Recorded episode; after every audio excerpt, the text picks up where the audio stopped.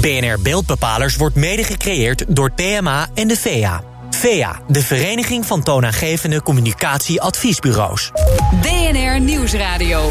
BNR Beeldbepalers. Diana Matroos. Welkom bij BNR Beeldbepalers, het enige radioprogramma waar het beeld centraal staat en waar we complexe communicatievraagstukken oplossen. Met dit keer. Beetje stil! Als je een beetje beweegt, dan maakt hij al lawaai. Vandaag doen wij de Doritos Roulette Challenge. Ik ben aangekomen in de Hunkemuller en ik ga me door Trudy laten opmeten. En zo, weet je wat ik heel erg lang niet heb gegeten? Iglo Sticks. Oh yeah, deze zijn super gezond. Oh, wat ruikt dat lekker, man. Ja, hè? Oh man. Je hoorde vlogger Milan Knol, die uh, doet de Doritos Roulette Challenge. Monica Geuze laat haar cupmaat opmeten bij de Hunkemuller. En Enzo Knol haalt jeugdherinneringen op tijdens het bakken van Iglo Vissticks. Reclames overbrengen gebeurt natuurlijk via steeds meer kanalen. Maar in de kern blijft de boodschap hetzelfde. Het mag niet misleidend zijn, ook niet online. Maar waar ligt de grens? Daarvoor praat ik met mijn gasten van vandaag. Priska Ancion, zij was tot voor kort de directeur van de Stichting Reclamecodecommissie. En Remco Kleuters, partner en media- en IP-recht bij Van Kaam Advocaten. Beide van harte welkom. Er is al 55 jaar een reclamecode in Nederland. En meer dan de helft daarvan stond die stichting onder jouw uh, leiding. Kun je, Priska, nog normaal naar reclames kijken? Absoluut. Ik vind het leuk om naar reclames te kijken. En uh, natuurlijk weet, kijk ik ook een beetje van, kloppen ze met de regels? Ja, want, want ik kan me voorstellen, je zegt, ik vind het nog steeds leuk om te kijken. Ik vind het uh, als presentator op televisie en voor radio ook nog steeds leuk om naar televisie en radio te kijken. Maar je kan niet meer op dezelfde manier kijken als een algemene kijker, luisteraar. Want je ziet veel meer, toch? Ja, maar ik ben niet zo gedeformeerd dat ik niet meer de gein ervan kan zien. Want ik vind echt, reclame vind ik gewoon ontzettend leuk om naar te kijken. Dat laat inderdaad dat ik ook wel zie op het eerste gezicht dat ik denk, oei, daar krijgen we vast een klacht over. En als je dan nu even kijkt naar online, is er dan iets voorbij gekomen dat je denkt, oei, daar krijgt, uh, je werkt er niet meer, maar nee. daar kunnen ze wel eens een klacht over binnenkrijgen? Nee, dat heb ik niet gezien. Nee. Nee, nee helemaal nee, niet. Dat scherpe nee, oog is nu al verloren. Nee, nou, het is niet helemaal niet. verloren, maar het is niet dat ik dan specifiek online kijk en denk dat is nou echt verkeerd. Nee, zie je wel iets anders? Ja, leuke dingen. Ja, wat dan? Ja. Nou, wat je, oh, dat kan ik dus nu, maar. Um, uh, de inzet van influencers. Ik vind de nieuwe ontwikkelingen digitaal die er zijn, vind ik. Uh, ja, vind ik gewoon leuk om naar te kijken. De okay. manier hoe ze een eigen merk creëren. Want ik bedoel, influencers zijn natuurlijk zelf ook een merk ja. aan het worden. Daar gaan we zo meteen ja. uh, gaan we het zeker uh, verder over hebben. Remco, als we even naar uh, jou kijken. Jij staat als advocaat bedrijven bij, maar ook influencers. en die kunnen dan ook een klacht van de reclamecodecommissie aan hun broek krijgen. Zijn ze een beetje streng daar bij die reclamecodecommissie? Nou, nog niet heel erg. Als je kijkt naar het aantal uh, klachten dat echt behandeld is en wat er dan uit voortvloeit, vind ik uh, nee, nog niet zo streng. Nog niet zo streng. Nee. En, en, en zitten jullie dan ook uh, lekker de grenzen op te zoeken? Werkt dat zo? Nou ja, dat hoort natuurlijk wel een beetje bij de advocaat. Hè, dat je zegt van nou joh, daar zit een gaatje en zo kun je nog wat meer en, en nog iets duidelijker iets in beeld brengen. Maar tegelijkertijd bij die influencers wil je dat misschien ook niet. Want je wil een influencer vooral een ja, authentieke influencer houden. Want zo zijn ze ooit bekend geworden en daarom hebben ze succes. Dus het is wel een andere eend in de bijt. Oké, okay, het is een bepaald spanningsveld. Kan jij ja. nog normaal naar reclames kijken? Nou, in ieder geval niet naar uh, vlogs en dergelijke. Want ja, er wordt maar ontbeten of ik zie al 15 merken langskomen. En denk dan van, oh jee, wordt er iets aangeprezen of wordt het gewoon opgegeten zwijgend? Dat ja. is inderdaad wel lastig, ja. Wat is een voorbeeld wat je laatst zag waarvan je dacht, oei, oei, oei, oei dat nou, is misschien niet zo inderdaad handig. en zijn knol uh, pannenkoeken zien bakken. En dan zie ik toch ook wel uh, Dr. Utker langskomen of nog een aantal andere merken. En dan denk ik, ja, ja hoe, zou het, hoe zou het verder aflopen? En dan zie ik dat het 20 minuten duurt. En dan kijk ik toch niet het hele verhaal af, maar... Ja, ja, het is wel, uh, ja. Daar zit wel wat, uh, wat in waarvan je zegt, daar zit een bepaalde spanning op. Ja. Uh, als we eventjes kijken bij jou, Priska, want je zei in 2014 nog, toen werkte je nog, hè, natuurlijk voor de reclamecode. Over social media marketing krijgen we nog nauwelijks klachten binnen. En je hebt ook later gezegd, die klachtenregen is uitgebleven. Is er daarmee dan geen probleem op social media? Nou, ik weet niet of het meteen. Um, nou, laat ik zeggen, het aantal klachten is niet uh, bepalend of iets wel of niet leeft. Um, je hebt meestal aan één klacht genoeg om te zien welke problematiek er uh, aan de gang is. En um, je ziet wel degelijk ook bij de reclamecodecommissie dat er klachten natuurlijk uh, komen over reclameuitingen die via een social media platform geopenbaard zijn. Maar uh, de, de grote draad die je er dan in ziet, en dat is het eerste wat je zelf ook al zei, is dat het van belang is dat het herkenbaar is als reclame. En of er nou uh, daar tien klachten over komen of honderdduizend klachten, dat, heb je, dat, dat maakt niet uit. Het is gewoon duidelijk dat bij social media, als influencers of vloggers, bloggers, noem maar op, allemaal worden ingezet. Dan is het van belang dat als zij. Uh, reclame maken voor uh, producten en diensten, dat dat blijkt uit hun eigen. Ja, het moet dus altijd herkenbaar zijn dat, dat gewoon een consument ziet: hé, hey, hier is voor betaald door een bedrijf en dus is het reclame. Hè? Want dat is natuurlijk uh, uiteindelijk de basis. Kunnen consumenten dat überhaupt zien online?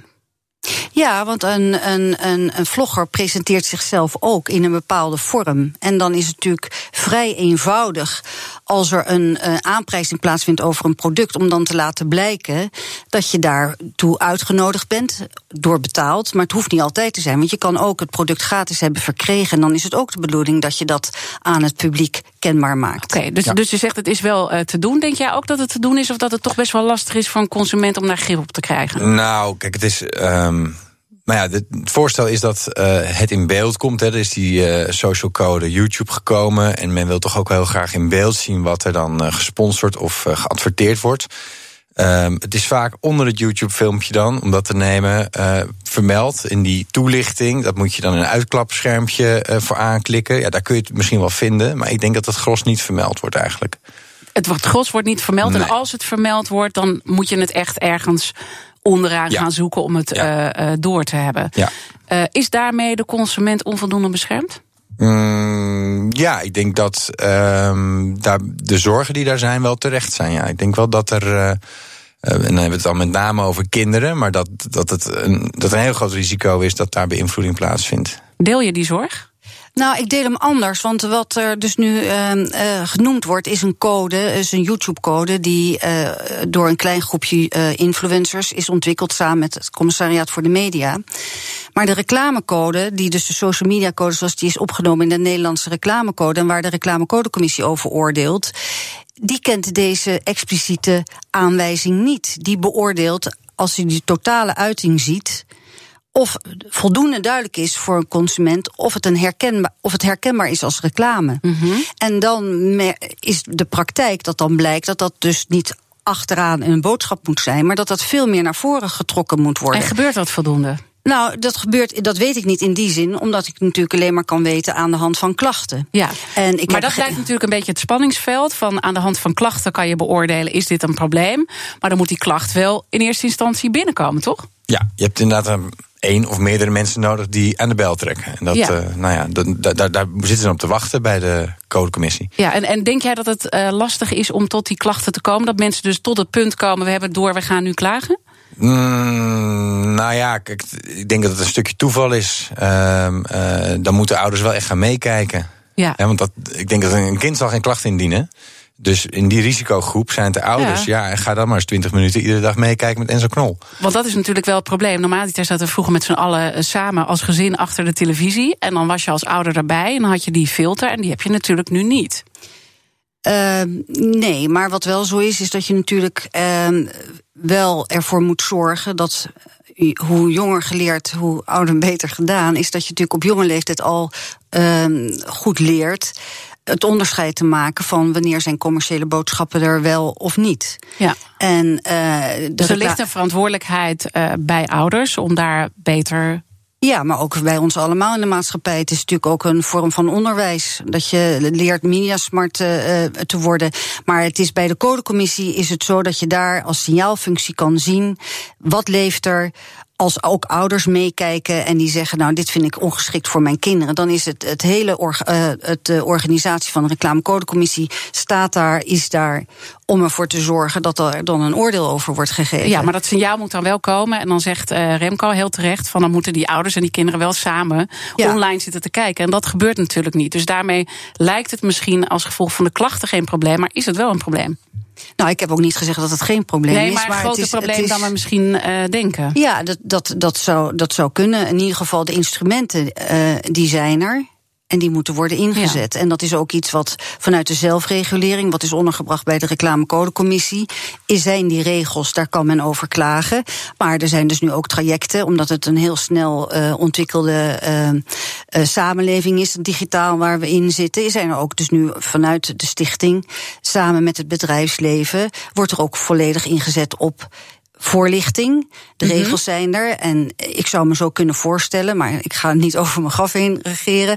Is dat er dus ook voorlichtingscampagnes specifiek gericht wordt op van um, social media en, en kinderen. Denk je dat het goed zou zijn als die campagnes er zouden komen? Of is er meer nodig, Remco? Um, nou ja, ik wil eigenlijk een stapje terug, want ik vind het een, uh, een, een soort van intrinsieke uh, tegenstrijdigheid. Dat je dus als influencer. Dan ga je als, super, bijna als advocaat praten. Super authentiek. Ja, nou ja, dat, dat kan nee, ik helaas niet uitzetten, nee, nee, dat knopje. Maar is ook helemaal niet het, uh, de bedoeling. Je bent super authentiek, maar je moet heel herkenbaar zijn als je reclame maakt. Ik denk dat dat elkaar bijt. Dus dat dat heel lastig is. En dat zodra je daar dan toch meer gaat doen als influencer, ja, je dan ook meteen minder authentiek bent en dus ook minder populair. Zie jij die worsteling ook bij de influencer ja. zelf? Want je kan ja. zeggen het is kwade opzet van die influencer, maar misschien valt dat wel mee. Um, ik denk dat het inderdaad wel meevalt. Want ik denk dat het begint bij authenticiteit. Hè. We beginnen met een vlog, leuk. En dat blijkt dan succesvol. Het gaat zo ontzettend snel. Dat kan binnen een half jaar uh, het geval zijn. En dan worden ze ineens interessant voor merken. En dan zie je dat ze heel sterk zoiets hebben van... Nou, ik ga alleen maar in zee met een merk wat ik bij mij vind passen. En vervolgens komt er een contract. En in het contract zijn allerlei dingen. Minimaal 10 berichten uh, per dag. Je moet een gemiddelde hebben van 2500 likes per dag. -hmm.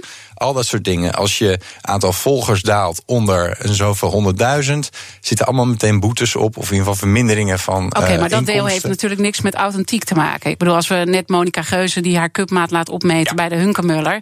Ja, dan is gewoon uh, toch reclame. Dat snapt ze toch zelf ook wel. Uh, als, Niet dat jij nou, erbij staat. Nou, nou, nou, nou, nou, nou. ja. Als, iedereen moet een keer naar de Hunkemuller. Ik zelf niet, maar dat zal voor heel veel vrouwen wel zo zijn. En dat mag in principe wel. Als ze daar niet per se uh, uh, reclame maakt, indirect of direct, zou dat moeten kunnen. Ja. er zijn alleen vaak, ik moet aan het geval van die matrassen denken dan zijn er van die dingen dat je dan later krijgt iemand korting. En dan uh, is er uiteindelijk toch een vorm van uh, betaling geweest in Natura. Ja, dan is het cirkeltje wel weer rond. Maar in principe moet een influencer gewoon boodschappen kunnen doen of een aankoop kunnen doen. Het ligt dus allemaal heel gecompliceerd. En laten we straks samen kijken hoe we dit nou oplossen. Of moeten we het überhaupt niet uh, oplossen? Straks meer in BNR Beeldbepalen. BNR Nieuwsradio. BNR Beeldbepalers. Welkom terug bij BNR Beeldbepalers. Dit keer hebben we het over de verandering in reclames. En uh, voor de reclame hebben we al even aangestipt wat het probleem is. Namelijk die online wereld en de reclames die daar via influencers naar voren komen. Kan wel behoorlijk uh, misleidend zijn. En het is heel moeilijk soms voor consumenten om te zien. Zeker omdat ouders niet altijd met hun kinderen online uh, meekijken. Waar nou precies sprake is van reclame. En dus komen er nou, niet zoveel klachten over binnen bij de reclamecodecommissie. Maar kan het wellicht anders liggen? Dat weten we niet. Uh, maar we praten daar uh, nu over door, vooral over hoe we dat dan ook beter kunnen doen. Uh, influencers die zullen aan de andere kant weer de grenzen opzoeken. Mijn gasten vandaag zijn Priska Ansion. Zij was tot voor kort de directeur van de Stichting Reclamecode. En Remco Kleuters, partner en media en IP-recht bij Van Kaam Advocaten. we hebben net al eventjes een voorbeeld aangehaald. Remco, jij gaf ook een beetje de spanning aan. En dat eigenlijk ook voor influencers onduidelijk is waar de grens ligt. Zou je wat voorbeelden kunnen geven waarvan je zegt dat is interessant om te kijken waar dat spanningsveld ligt? Ja, nou een aardig voorbeeld is misschien wel uh, de, de snoepjestest, die ook bij de reclamecodecommissie is langs geweest. Ja, een van de kinderen, ik geloof dat ze vijf zijn, uh, gaat tien soorten snoep testen en heeft daar een mening over. Uh, op zichzelf iets wat kinderen natuurlijk gewoon kunnen doen, maar tegelijkertijd zullen daar heel veel adverteerders bij betrokken zijn.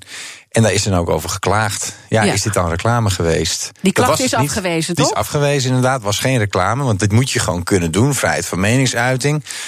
Bijvoorbeeld, uh, maar is natuurlijk wel eentje waar je al heel snel voelt: oh god, wat gebeurt hier? Ja, en een andere voorbeeld is uh, Duitse Cruise. Ja, Duitse Cruise is ook zo'n voorbeeld. Die wordt gesponsord uh, door Rivella, daar werkt ze voor. En die was op vakantie, meen ik, en die maakt een hashtag, hashtag uh, nature is good, iets in die trant. En dat is de slogan van Rivella. Dus nou ja, daar ga je al. Daar is ook een klacht over gekomen. Um, minder zwaar beoordeeld, waarschuwing, uh, want dat is wel de slogan. En er werd wel, als je die hashtag dan gebruikte, doorverwezen naar Rivella. Dus dan kom je daar toch terecht. Ja, het was niet duidelijk gemaakt dat dit een stuk reclame was. Dus daar is het op, uh, op scherp ja. gezet uiteindelijk. Ja. Hoe kijk jij daarnaar vanuit je specialiteit, uh, Priska? Nou ja, dat zijn de specifieke zaken die zich voordoen. Is dat. Uh, het wil niet zeggen dat als een merk door een influencer wordt genoemd, dat het dan ook reclame is. Want er moet een relatie zijn natuurlijk met de adverteerder van dat merk. Mm -hmm. En als die er niet is, en een consument, of een influencer, hoe je hem wil noemen, uh, merken gaat opnoemen. Uh, dan wil dat niet zeggen dat dat meteen reclame is waarop je uh, de adverteerder over kan aanspreken. Ja. En dat is natuurlijk gewoon heel belangrijk. Dat moet ook zo blijven. Ja. En, en, maar hoe kunnen we dan toch zorgen dat het voor de consument uiteindelijk helderder wordt, dat ze niet misleid worden? Nou ja, dan, dan zou je dus alle influencers kunnen verbieden uh, om merken te noemen uit zichzelf, tenzij het een commerciële boodschap is. Maar ja, dat is natuurlijk precies wat Remco net zei. Die vrijheid van meningsuiting die moet er ook blijven. Want heel veel influencers hoeven helemaal geen reclame te maken voor andere producten. Die zijn zelf hun product en iedereen die vindt dat prima om daar, daar naar te kijken. En dat zou natuurlijk altijd het spanningsveld zijn waar we dus nu in zitten. En daarom is het ook zo goed dat het bedrijfsleven door middel van zelfregulering en een code opstellen van wat moet dan wel als wij ja. influencers inhuren. Ja. Wat moeten we dan doen? Maar die bedrijven zullen natuurlijk altijd de ruimte opzoeken. En die weten ook dat dit heel moeilijk te controleren uh, is. Want dat is niet te doen met al die websites over de, over, over de hele wereld. Ik bedoel, het is gewoon. Eh, televisie was daarin natuurlijk heel overzichtelijk. Ja, ik denk dat we niet onze ogen kunnen sluiten dat digitale ontwikkelingen natuurlijk veel, veel verder gaan en veel breder zijn. Ik wil wel zeggen dat uh, in mijn jarenlange werk bij de, bij de stichting, dat blijkt dat de adverteerders toch echt hun eigen verantwoordelijkheid willen pakken. En dat het ook heel van belang is als zij met influencers in zee gaan, dat ze daar dus afspraken over maken. Dat het toch voldoende duidelijk is dat er reclame gemaakt wordt door, ja. voor een ander. Zie je dat ook? Dat die adverteerders uh, bereid zijn om daar eigen verantwoordelijkheid te nemen? Of mag het wel wat meer wat jou betreft, Remco? Mm, ik heb het nog niet zo heel concreet gezien, moet ik eerlijk zeggen. Uh, maar ik denk wel dat het verstandig zou zijn. Want ja, je gaat gewoon je eigen medium in die zin ondergraven. Want als dat dan heel erg uh, verstopt moet zijn en je krijgt ook nog een klacht. En die uh, influencer blijkt dus inderdaad gewoon een sell-out te zijn. Ja, dan, dan is de waarde daarvan al heel snel weer minder. Dus je moet denk ik willen aansluiten bij het type medium. En dat is een influencer. En dat is nou eenmaal, eenmaal iemand die gewoon ja, alledaagse dingen doet. En uh, dan misschien terloops of uit eigen mening of waarneming dingen uh, benoemd. En dan misschien wel gesponsord, maar nog steeds passend bij. Ja, daar moet je wel heel goed bij willen aansluiten. En dus zeg jij van eigenlijk moet er meer verantwoordelijkheid bij de bedrijven komen. En de influencer moet je daarin niet te, ja, te veel aan gaan kijken? Ja, ik denk dat je de influencer in die zin meer buiten schot moet, uh, moet houden. Uh, die moet vooral influencen. Het is een nieuwe vorm, het is een interessante vorm. Het is goed dat ze er zijn. Um, uh, en ik vind het aan het bedrijfsleven om zeg maar heel voorzichtig toenadering te zoeken. En in die zin ook ja, daarin uh, zorgvuldig te blijven. Overigens, even los hiervan, zie jij ook een ontwikkeling met influencers dat ze überhaupt steeds meer grenzen opzoeken. En daar maak jij je zorgen over. Ja, dat is meer het maatschappelijke uh, uh, element. Ja, je ziet toch steeds meer mensen uh, op zoek naar de, de, de likes, de aandacht. En dat is natuurlijk ja, een ander punt dan het hele reclamepunt. Maar ja, grenzen worden wel opgezocht. Mensen klimmen op treinen. mensen kunnen tegenwoordig alles filmen en denken: ja, als ik heel gek ga doen, kan het ook op beeld. Zou wel eens kunnen scoren. Kan daar überhaupt iets tegen gedaan worden? Ja, dan zit je gewoon op de openbare orde en dan zit je op handhaving en uh, strafrecht, dat soort. Uh, dat ja. soort maar ook zaken. dat is bijna niet uh, te doen, toch? Om dat allemaal te controleren. Dat is eigenlijk hetzelfde ja. probleem. Kijk, in potentie is iedereen een stuntman op dit moment. Met een mobiele camera en dus ook een filmproducent en regisseur. Ja, dat wordt lastig handhaven. Dat is een probleem, klopt. We komen alweer uh, bij de conclusie. Uh, reclame maken gebeurt natuurlijk steeds meer via andere kanalen. En dat zorgt met name online voor een spanningsveld. Influencers die soms niet precies weten waar de grens ligt. Of doen alsof ze niet weten waar de grens ligt. En bedrijven die daar uh, nou, misschien wel wat meer verantwoordelijkheid kunnen nemen. Priska, wat is, wat is jouw belangrijkste punt wat je op dit gebied wil maken? Uh, de social media code die in de Nederlandse reclamecode staat. Influencers die niet weten wat ze moeten doen, kunnen altijd bellen naar de Stichting Reclamecode en vragen uh, of zaken wel of niet uh, kunnen. het ad de adverteerders die inderdaad een eigen verantwoordelijkheid hebben om als influencers inhuren, vooral goede afspraken te maken over herkenbaarheid van reclame. Ik denk dat dat gewoon het belangrijkste is. Remco? Ja, influencers moeten vooral blijven influencen en moeten de vrijheid voelen om zich te kunnen uiten op hun manier. Um, zodra ze denken van nou, hier kan ik commercieel wat mee, dan uh, zouden ze een goede adviseur moeten hebben die ze helpt bij een. Ja, dat ben jij zeker. Goed, je vult het zelf al in, maar bij een authentiek contract dat recht doet aan hun positie. De beeldbepaler van de week. Tijd voor de beeldbepaler van de week. Wie bepaalde deze week het beeld? Redacteur Madelief van Haarlem is bij ons aangeschoven. Vertel. De beeldbepaler van deze week is een reclame. En dat is de nieuwe van Gillette, die in Amerika al uh, is laten zien.